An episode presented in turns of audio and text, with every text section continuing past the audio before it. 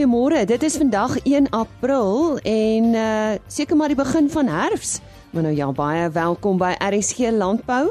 Ons praat vandag met SA Stamboek oor hulle hoogtepunt van die jaar en ons praat ook oor 'n baie belangrike saak en daarvoor moet u sommer 'n pen en papier byderhand hou. En dit gaan oor grondwaardasies. Wat het 'n invloed daarop? En as 'n waardeerder na jou plaas toe kom, wat is belangrik? Ons uh, sluit eers vanoggend aan by Henny Maas. Hier is nou weer nuus oor 'n paar veilinge wat binnekort plaasvind. Op die 2 April is daar die geregistreerde rooi brahmaan uitverkoping by die Royal Auction Centre Frankfurt. Twee kuddevars, vyf potensiële kuddevars, 28 bulle en 43 koeie met kalvers as ook 22 verse oop en in kalf word opgeveil deur Vleis Sentraal. Paul Botha is die afslaer. Die Ile de France Genootskap Produksieveiling vind op die 6de April plaas by die Bloemfontein skougronde. 50 stoet en kudde ramme, 60 stoet ooe en 100 kudde ooe word opgeveil deur GWK. Dion Klopper is die afslaer. En ook op die 6de April is daar die boerbok en dorperveiling by die Konrad Kleinvee Sentrum Karstenboerdery Pretoria. Boerbokke 15 ramme en 45 ooe, dorpers 10 ramme en 40 ooe word opgeveil deur CDP Auctioneering Services. Tot sover dan veiling nuus. 80085. Dankie Henny en hy's net nou terug met nog nuus oor 'n Ile France skaapveiling. En nou gesels Henny met uh, eh, SA Stamboek oor hoogtepunte op hulle kalender. Ons gesels nou met Dr. Japie van 'n uh, eh, Westhuizen van uh, eh, SA Stamboek En ons praat met hom oor 'n uh, belangrike geleentheid wat dit om die draai is. Dit is Stamboek se Elite Week. Vertel ons net 'n bietjie meer daaroor, Japie. Uh hallo Jenny. Ja, ehm um, weet jy, dis ek wil amper sê dis een van die hoogtepunte of seker die hoogtepunt in Stamboek se jaar is die uh Elite Week. Uh dit het maar hierson 2012 ontstaan. Uh is en dit loop saam met Bloemskou daai daai een week van bloemskou en en waar Stamboek graag erkenning gee aan aan topteelers en ook aan diere uh, teeldiere. Uh en dit uh, ek wil amper sê die fisiese ding wat by bloemskou gebeur is die is die bilgroei toetsklas vleis sentraal wat vleis sentraal die hoofborg is. So dis eintlik uh en toe ons nou maar oor tyd uh so in die laaste 3 jaar besluit maar terwyl alles nou aan die gang is, kom hou ons nie maar 'n paar ander goed ook uh daai week nie soos om ons tegniese ouens in te kry van die veld af, uh opleiding te doen, personeelfunksie te hou en dan nou ons ook hierdie jaar nou 'n golfdag ten bate van van vriende van landbou. Nou uh hoeveel bulle is vanjaar ingeskryf vir die Stamboek Vleis Sentraal Elite Bull Groei klas? Uh en nie ons het ons het uh 21 bulle gehad, daar't nou twee ongelukkig onttrek, maar dit is in elk geval nog steeds uh 'n rekord aantal bulle wat wat wat ingeskryf is. So ons is regtig opgewonde daaroor uh in so 'n mate dat die dat die organiseerders amper benoud is uh of ons genoeg plek gaan hê om hulle te paradeer. Jy weet in die in die in die ring. So uh ons is regtig opgewonde daaroor. Uh jy weet dat dat dat ons so baie so geweldige belangstelling het vir die vir die klas hierdie jaar. En en hoe kwalifiseer uh, bulle hiervoor? Ehm um, dit soos die naam aandui, dis 'n groei toetsklas. Met ander woorde, die bil moes in 'n voorafgaande tydperk moes hy in 'n in 'n groei toets, 'n amptelike groei toets gewees het, het sy op die plaas uh waar die waar die teeler self uh groei toetse doen op hulle bille. Uh of uh iets wat dan baie gewild geword het in die laaste klompie jaar is is groei toetse uh noem dit maar op 'n sentrale plek waar die inname die voerinname van die bulle ook gemeet word en wat, wat ons dan by stamboek gebruik om doeltreffendheidsmaatstawwe vir sulke bulle as potensiële teelbulle uit te werk. So so dit is ehm um, dit dis dis eintlik die kwalifiserende vereistes, dan is daar natuurlik 'n minimum prestasie vereiste nodig vir 'n bul om te kan kwalifiseer. Ehm um, wat dan geld en slegs een bil per ras mag ingeskryf word. Met ander woorde, die die betrokke telersgenootskap as ons dan nou 'n lys opstel en vir hulle te sê hier's die bulle wat kwalifiseer hierdie jaar, dan dan sal hulle uit daai lys uit sal hulle ook dan 'n bil kies wat 'n uh, funksionele doeltreffende dier is uh, en wat daarom goed op die oog is. Met ander woorde wat visueel uh, voldoen aan die aan die minimum vereistes natuurlik in die eerste plek van die ras, uh, maar dan ook uh, in terme van funksionele bouvorm. En dan en dan laat weet hulle natuurlik uh vir ons dat watter bil hulle gaan inskryf en en hulle berei daai bil voor vir die klas. En en die wenner oor die algemeen, hoe word hy aangewys? Ja, dis 'n dis 'n interessante een. Daar was 'n bietjie kontroversie in die in die verlede daaroor gewees, maar uh, ek dink ons het ons het 'n goeie uh, uh, manier gekry om om om die wenner aan te dui. Uh, dit werk basies so dat die die beoordelaars hy uh, wys eers 5 uh, bulle aan op grond van hulle voorkoms. En daai 5 bulle kry dan ook spesiale erkenning van die borgers wat wat vlei sentraal in die geval is. Ehm um, maar uit die 5 uit het hulle dan die uh is dit hulle uh voorreg om te besluit enigiets tussen 1 en 3 bulle kan hulle dan aanwys om te sê hierdie bil of bulle uh kan net sowel 'n moontlike wenner wees. En dan gebruik ons 'n formule van stamboek se kant af wat gegrond is op die dier se genetiese meriete. Met ander woorde sy teelwaarde uh en daai rangorde wenner uh bil nou laas jaar het hulle net een bil aangewys met ander woorde hy toe gewen Uh maar dit kan enigiets tussen 1 en 3 bulle wees wat dan uh, as 'n moontlike wenner uit die stryd kan tree. En ander erkennings uh, wat word uh, nog beplan vir die uh, Elite Gala aand? En nie behalwe natuurlik vir die erkennings wat ons gee aan die aan die teelers of die eienaars van hierdie bulle wat nou in die ring geparadeer was, uh jy weet daai oggend of daai middag, ehm um, is daar baie belangrike ander erkennings wat ons wat ons graag gee uh vir teelers of eienaars uh, eintlik maar teelers en dan dat en en diere uh teeldiere van hierdie van hierdie eienaars of teelers van hierdie diere. So die die die gala aand uh, uh vind dan plaas daai maandag aand die 30ste April uh en ek gaan nou so vinnig net so uh die die toekennings wat ons graag maak van Stamboek se kant af ehm um, wil ek graag vir jou noem. Die die eerste een is is waar ons uh, erkenning gee vir en ons noem hulle die elite vleisbeeskoeie wat wat die borskap deur landbeweegblad uh, so dis hier ehm um, stamboek landbeweegblad die elite vleisbeeskoeie en dis dis ou koeie wat wat 'n leeftyd van goeie prestasie het en en wat natuurlik baie winsgewend is en wat wat wat baie goeie nagslag deel het. So dit is 'n is 'n baie gesogte toekenning. En dan ehm um, uh, gee ons ook graag erkenning aan mentor teelers. Met ander woorde teelers wat stamboeklede is wat wat 'n verskil maak in die lewens van van opkomende boere uh om stoetelers te word. Uh dis 'n boskap van Farmers Weekly. Uh so dis 'n elite mentor teeler uh wat ons graag uh, erkenning gee. En dan natuurlik die opkomende stoetelers self uh identifiseer ons ook uit ons uh ek wil amper sê meer as 4000 uh teelers wat by stamboek aanteken, uh wil ons graag dan ook erken daar gee Unistel is die, is die, is die borg daar. Uh en dan iets wat heeltemal nuut is hierdie jaar, uh ons het nou ek het nou genoem van die vleisbeeskoeie wat wat so belangrik is. Ons wil graag ook erkenning gee aan melkkoeie. Ehm uh, nou die drie rasse wat prominent is, die Holsteins, die Jerseys en die Ayrshires. Uh ons ons ons gaan ook hierdie jaar vir die eerste keer 'n toekenning gee vir 'n koei van elkeen van daai rasse en en Merio soos uh soos die ons uh uh laboratorium wat ons melkontledings doen is die, is die borg daar en ons is baie opgewonde uh dan vir die eerste keer daar. En dan uh 'n veeplaasborg ook uh die Elite Platinum bulle.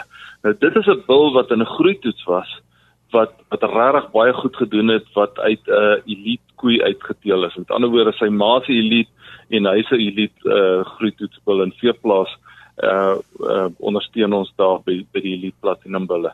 En dan die hoogtepunt vir ons is die is die is die top teelers. Ehm um, so ons het ons het uh, ons gee toekenninge vir vir die top uh, vleisbeesteler, dis 'n vleisentraal stamboek ehm um, toekenning uh, en daar's 10 finaliste en dit is regtig ek wil amper sê die beste van die beste teelers in Suid-Afrika uh by vleisbees uh, kuddes. Soortgelyk uh by die melk uh kuddes Telvidre en stand uh voere en standaardbank is is is die borg daar. Uh en ons gee uh, graag erkenning ook vir die top uh melkkudde. Uh melkbeesteler uh in Suid-Afrika wat dit aanbetref. Die ander is is uh vir die kleinveeteler. Uh daar's 'n groot opgewonde onder die die kleinveetelers vir vir toekenninge. Ons het nou laas jaar uh by Alfa het ons vir die eerste keer 'n nasionale toekenning gehad vir die brons, silwer en goud uh uh kuddes uh, wat wat uh, kleinveeteelers aanbetref en dan nou dis die hoogtepunt eintlik van die jaar dan ook uh, daai maandag aand wanneer ons die kleinveeteeler van die jaar ook sal aan aan aanwys. Dis ook 'n vleis boskap. En dan is daar ook uh, vir ander spesies uh, stamboek uh, teken mos nou ook allerlei spesies aan soos honde en varke en so aan. Uh, so daar's 'n toekenning en dan ook uh, vir die top uh, perdeteler in die land. So dis 'n hele rits toekennings, maar ehm um, belangrike toekennings. Ons het ook laas jaar vir die eerste keer het het uh, Stamboek se president, meneer Freddie Wasserval, het hy besluit hy wil 'n presidentstoekenning maak. Met ander woorde, iemand in die bedryf of erns uh, wat 'n groot verskil maak uh, in terme van Stamboek se besigheid en natuurlik die stoetbedryf in Suid-Afrika. Uh, Salam Abraham, 'n uh, oud uh, politikus het laas jaar daai toekenning gekry en hierdie jaar sal ons nou weer so 'n toekenning maak, 'n uh, presidentstoekenning van Stamboek se kant af. Nou ja, dit is 'n hele mond vol daar. Uh dit is dan hierdie groot uh, byeenkomste SA Stamboek se Elite Week en die toekennings wat gaan plaasvind. Baie dankie aan Dr. Japie van der Westhuizen van uh, SA Stamboek. Daar is die afgelope jaar heelwat klem geplaas op die waarde van landbougrond veral na politieke uitsprake soos die onteiening van grond sonder vergoeding. Nou dis dikwels 'n emosionele kwessie in die landbougemeenskap, maar kenners meen grondwaardasies kan met voldoende riglyne en konsekwentheid tog akkuraat en regverdig geskied. En ons gesels nou met Petrus Viljoen hieroor. Ja Petrus, hoe bly 'n grondwaardeerder objektief in 'n sektor waar die belanghebbendes verskillende verwagtinge rondom die uitkoms van 'n waardasie het? Goeiemôre. Goeiemôre, môre ook aan die luisteraars. Ja ja, dit bly 'n moeilike vraag altyd want hier begin jy kyk na die waardeerder se metodologie wat hy toepas, die kundigheid waarmee hy hierdie metodologie toepas en die konsekwentheid uh wat daaruit voortvloei as hy eenvormigheid en objektiwiteit wil behou. So oor uh, watter kenmerke moet 'n goeie grondwaardeerder beskik? Ek dink die belangrikste is hy moet kennis van die makro en mikro landboufaktore hê wat ontleed moet word op die spesifieke plaas. Hy moet onafhanklik wees met 'n baie sterk uh eerlikheidskarakter. Sy sy eerlikheid moet nooit in twyfel getrek kan word of sy objektiwiteit en sy uh onpartydigheid moet nooit uh enigsins bevraagteken kan word nie. En dan moet hy natuurlik 'n ontsaglike goeie begrip hê van landbouontwikkeling en landbouontwikkelingsinfrastruktuur wat daarmee gepaard gaan. Watter probleme ondervind julle in die grondwaardasiebedryf met onakkurate waardasies? Ek dink die probleem wat ons ontvind is tweeledig van aard. Eerstens skep te hoë waardasies verwagtinge by die boer van 'n uh, finansiering wat gereedelik beskikbaar gaan wees. Uh kom ons dan weer eens uit by te lae waardasies. Beteken dit dat die ekwiteit wat die boer tot sy beskikking het nooit ontsluit kan word? En dit bedreig dan weer die ontwikkeling van voedselsekerheid. So daar's 'n ontsaglike mooi balans wat gehandhaaf moet word tussen die verwagtinge wat geskep word en die persepsies wat op die ouende deurgegee word. So, uh, watter riglyne het waardeerders in die landbousektor dan om mee te werk? Ek dink die belangrikste riglyne is maar die verkoopsdata wat hy vanaf die aktekantoor kry. Maar hy moet net baie seker maak hy vergelyk appels met appels. Sy geospatiale data, ek meen vandag is dit uh, een van ons beste uh hulpmiddels tot ons beskikking as ons landbou gaan waardeer. Daai data is hoofsaaklik by die landmeter-generaal beskikbaar veral om die groottes van eiendomme en die beperkings wat daar op eiendomme is baie duidelik vir jouself te kan uiteensit dan ook moet hy uh, toegang hê tot die spesifieke kommuniteitsdata. Daar is waardes wat geheg word aan die vestiging van boorde, van permanente was. Daar's waardes wat geheg word aan elke aspek op 'n plaas. En uh, die waardeerder moet daai kommuniteitsdata baie goed ken. Dan laastens natuurlik die metodologie komponent afbreking. Jy kan nie 'n plaas waardeer as jy hom nie onderverdeel in 'n klomp kleiner stukkies nie. Dis maar soos 'n olifant wat jy moet eet. Jy moet stukkie vir stukkie om eet en jy moet jou uh gedagtegang moet gekontroleerd word deur 'n metodologie. Uh daar was al heelwat berigte in die media dat die waarde van grond afgeneem het. Nou veral sedert die uitsprake oor grondhervorming sonder vergoeding. Wat is jou mening hieroor Petrus? My mening en ek is maar 'n baie pragmatiese mens wat hierdie goed aanbetref.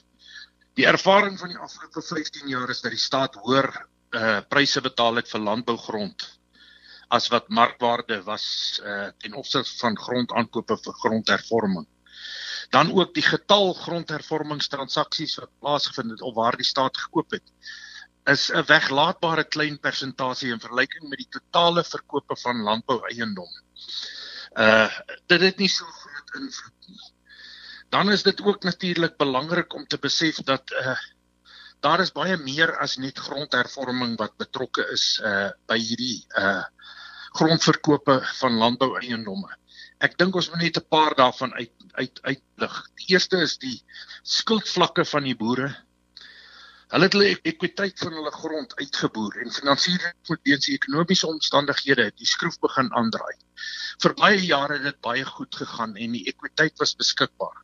Ons sit nou met die krisis dat die insetkoste het so hoog geraak dat mens nie meer marginale grond werklik kan bewerk nie. En ek dink dit kom duidelik uit die regstelling in in plaaspryse na vore dat mense vermy marginale grond omdat die insetkoste te hoog is en die risiko's ook te hoog is.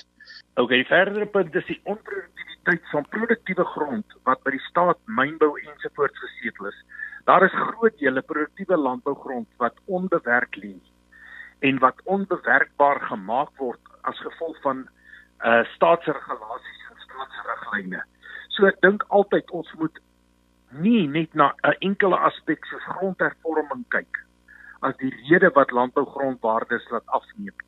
Maar as moet holisties daarna kyk en al die faktore in ag neem, soos die staatsbeleid ensovoorts. So watter faktore het dan 'n invloed gehad op grondverkope? Ek dink die belangrikste faktor wat ons almal op hierdie stadium besef is water en die benutting van water. Suid-Afrika is 'n droë land en uh, daar was 'n groot skok vir die boere met hierdie droogte wat gekom het, maar nie net die droogte nie, ook met waterbeperkings wat geplaas is. Want die menslike gebruik het voorkeur bo die landbougebruik wat 'n baie groter invloed op die landbou het. So die boere het ook geleer dat hulle hulle water baie mooi sal moet benut en uh, beveilig. Dan die volgende punt wat baie belangrik is en wat al hoe meer 'n uh, uh, klem ontvang in die landboubedryf is die volhoubaarheid en die ekologiese bewaring. Ons kon vir baie jare wegkom wat ons ons boergrond van landbou na naledig uitgeput het. En ons moet by die punt kom wat ons besef volhoubaarheid en ekologiese bewaring is die belangrikste. Dis seker die twee belangrikste goed waarna boere kyk wat nou grond koop. En by dit gesê, moet ons sê die invloed van infrastruktuur, vaste verbeteringe wat op 'n plaas ontwikkel is, speel deesdae 'n baie kleiner rol in die waarde toevoeging tot landbougrond. Boere is baie keer onder die indruk dat al hierdie infrastruktuur op sy plaas sy plaas se waarde opdruk. Nee. Vandag kyk die koper suiwer na die produktiwiteit van die grond en nie na watse geboue en watse verbeteringe daarop die grond is nie. Petrus, watter invloed het politiek op die waarde van landbougrond? Persoonlik dink ek dit begin en eindig by beleidsekerheid. En ek dink ons kan sien wat beleidsekerheid aan die landbou gedoen het. Beleidsekerheid rondom die sogenaamde grondonteiening sonder vergoeding. Beleidsonsekerheid ten opsigte van die instandhouding van in, van balkinfrastruktuur. Die paaie na boere se plase toe, die paaie om produkte te vervoer die beleidsonsekerheid rondom elektrisiteit, die beleidsonsekerheid rondom waterregte. Dit het vir die boer werklik waar verskriklik moeilik geword om te voldoen aan die wetgewing omdat daar nie 'n effektiewe staatsdiens is wat die red tape soos ons dit noem vir hulle kan uitsorteer nie waterregte vroegtydig vir hulle kan toekie uh ontbostingssertifikate kan toekie dis goed wat ons deesdae in die landbou mis En die rede is die boer kom glad net nie reg by die instansies wat verantwoordelik is om dit te reguleer nie. So dit in, dit begin en dit eindig by beleidsekerheid wat die staat moet skep in die landboubedryf. Nou goed, verduidelik bietjie vir ons, hoe werk die waardasieproses wanneer 'n waardeerder op 'n plaas aankom? Ja, dit wissel maar van waardeerder na waardeerder. My ouens word baie mooi opgelei. Daar's 'n magdom voorbereiding wat hy doen. Uh voordat hy op die plaas aankom, want die, hierdie waardeerder spandeer 2 of 3 ure op 'n plaas terwyl 'n boer al 30 of partykeer tot 100 jaar op daardie plaas bly. So die waardeerder moet homself voorberei om met kundigheid te kan kommunikeer. Uh ek dink die eerste stap as hy op die plaas aankom is natuurlik die bevestiging van sy metodologie. Laat die boer verstaan hoe word die waardasie gedoen. Wat is die belangrike aspekte wat waarde gaan toevoeg? Hoe word daardie waarde toevoeging uiteengesit? Laat dit nie vir hom 'n uh, 'n nuwe uh, of 'n skok is as hy die dokument kry nie. Ek sê altyd as die waardeerder arriveer, begin die realiteit inskop en hy moet seker maak dat daai realiteit baie duidelik by die boere is. En normaalweg as 'n boer die metodologie verstaan, verstaan hy ook hoe ons by die waarde uitgekom het. En daai metodologie kom weer in lyn met sy navorsing en ook verwys dit na die bewys van nakoming van wetlike vereistes. Die watertoekenning, die slagpale sertifikate, KARA, die sogenaamde Conservation of Agricultural Resources Act wat van toepassing is. Ons as waardeerders kyk na al daardie toepassingsgoed op die plaas. Want ons moet 'n risiko bepaal en indien 'n boer iets onwettigs doen, dan moet ons dit uitwys want dit kan vir die finansiëerder op die ouende groot skade tot gevolg hê. En dan gaan ons oor na die inspeksie van alle waardebydraende komponente op die plaas. Dit wil sê die vaste verbeteringe, die permanente gewasse, die landrye, die waterstelsels, elektrisiteitstelsels. So dis 'n redelike volledige proses wat 'n waardeerder op 'n eiendom nagaan. Nou ja, Petrus, ons moet hierdie baie insiggewende gesprek afsluit met 'n laaste vraag. Hoe verskil die waardasieproses van 'n plaas in die Vrystaat byvoorbeeld van die van 'n wynplaas in die Wes-Kaap? Ja, ek wil eintlik so tog net onmiddellik begin lag en sê die verskil is in 1 miljoen rand per hektaar vir die wynplaas en en die 2000 rand per hektaar vir die uh, weidingsplaas. Ek dink dit is hier kan ons duidelik sien hoekom jy altyd appels met appels vergelyk. Daar is baie belangrike verskille tussen 'n wynplaas en 'n en 'n weidingsplaas. 'n Weidingsplaas is normaalweg 'n baie groot oppervlakte want jou diere se draak of jou weiding se draagkrag word bereken teen soveel diere per hektaar en dis waarvoor jy voorsiening maak om 'n ekonomiese eenheid dan te kan vestig. Jy het ook ander water uh, uh infrastruktuur uh benodigdhede op 'n uh, weidingsplaas as wat jy op 'n uh, op 'n wynplaas het. 'n Weidingsplaas belangrik is jou waterretikulasie netwerk. Is daar water in alle kampe? Is die water standhoudend? Hoe lyk sy pyplyne? Hoe lek sy pyplyne? Is die lyndrade in plek? Uh kan hy roofdiere keer? Uh is daar alternatiewe weidingsprosedures aan die gang? Is daar ekologiese prosesse aan die gang? Dis alles by weidingsplase waarby jy betrokke is, maar dit gaan meer oor jou uh, rand per hektaar uh, of jou waarde draagkrag per hektaar as wat dit gaan oor enigiets anders in jou infrastruktuur verskil. Op 'n wynplaas natuurlik is daar baie ander goed want wyn vereis infrastruktuur. Dit wil sê jy gaan 10 teen 1 op 'n wynplaas kry waar die infrastruktuur 'n baie groter rol speel as die werklike primêre produksie gedeelte. Ja Petrus, ek dink daar's heelwat luisteraars wat graag uh, met jou wil kontak maak. Ek sien ek het 'n webtuiste vir jou. Is dit reg? Is jou kontakbesonderhede op daardie webtuiste? Ja, ons kontakbesonderhede is op die webtuiste en hulle is welkom. Want ons leer ook maar baie uit die vrae wat vir ons gevra word. Nou goed. Dit was dan die hoofuitvoerende beampte van Agri Land Projects, Petrus Viljoen en hulle webtuiste is www www.agrilandgroup.com en onthou daardie .com www.agrilandgroup.com Soos beloof sluit ons nou af met nog nuus oor 'n veiling. Die derde Ile-de-France uh, genootskap se produksieveiling vind op die 6de April plaas. En ons praat met Willie Oosthuizen oor hierdie veiling. Gee vir ons 'n bietjie inligting oor die veiling. Wat is die aanbod, Willie? En nie uh goeiemôre man. Ons het so 50 ehm um, geregistreerde oeye op die veiling en dan die ramme is so 40 ramme wat insluit stoet en kudde ramme en aan die kommersiële kant uh so 80 kommersiële ooitjies. Hoe lyk die toestand van die diere oor die algemeen? En ek het ongelukkig nog nie almal gesien nie, maar ek die wat ek gesien het is 'n baie goeie kondisie en baie goeie teelmateriaal. Is daar groot belangstelling vir hierdie veiling? Uh ja, daar is taamlik belangstelling vir die veiling vanaand van die kommersiële kant af omdat die Hilde Franse so goed uh doen met kruissteling. Goed, vertel vir ons uh, waar vind die veiling plaas presies? Uh dis by Bloemfontein by die skougronde in die DKB kompleks die 6de April 11:00 die oggend. En as mense inligting wil hê met wie moet hulle kontak maak? Hulle kan die afslaarsfirma kontak, uh, GWK in Kimberley en dan vra moet skaak Erlang te gesels of myself Willie Oosthuizen. Goed Willie, wat is jou telefoonnommer? En dit is 082 452 1520.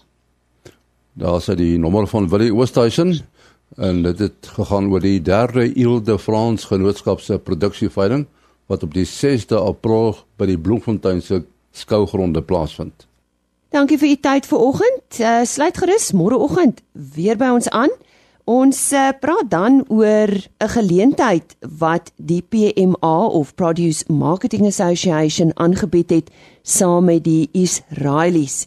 Nou soos u weet is hulle leiers as dit kom by uh, tegnologie en veral wat uh, besproeiing en water aanbetref en ons deel so 'n paar interessante feite oor 'n nuwe tegnologie met u. Dit is dan môreoggend op RC Landbou.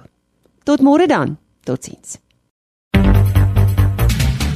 RC Landbou is 'n produksie van Plaas Media. Produksieregisseur Henny Maas. Aanbieding Lisa Roberts. En inhoudskoördineerder Jolandi Root.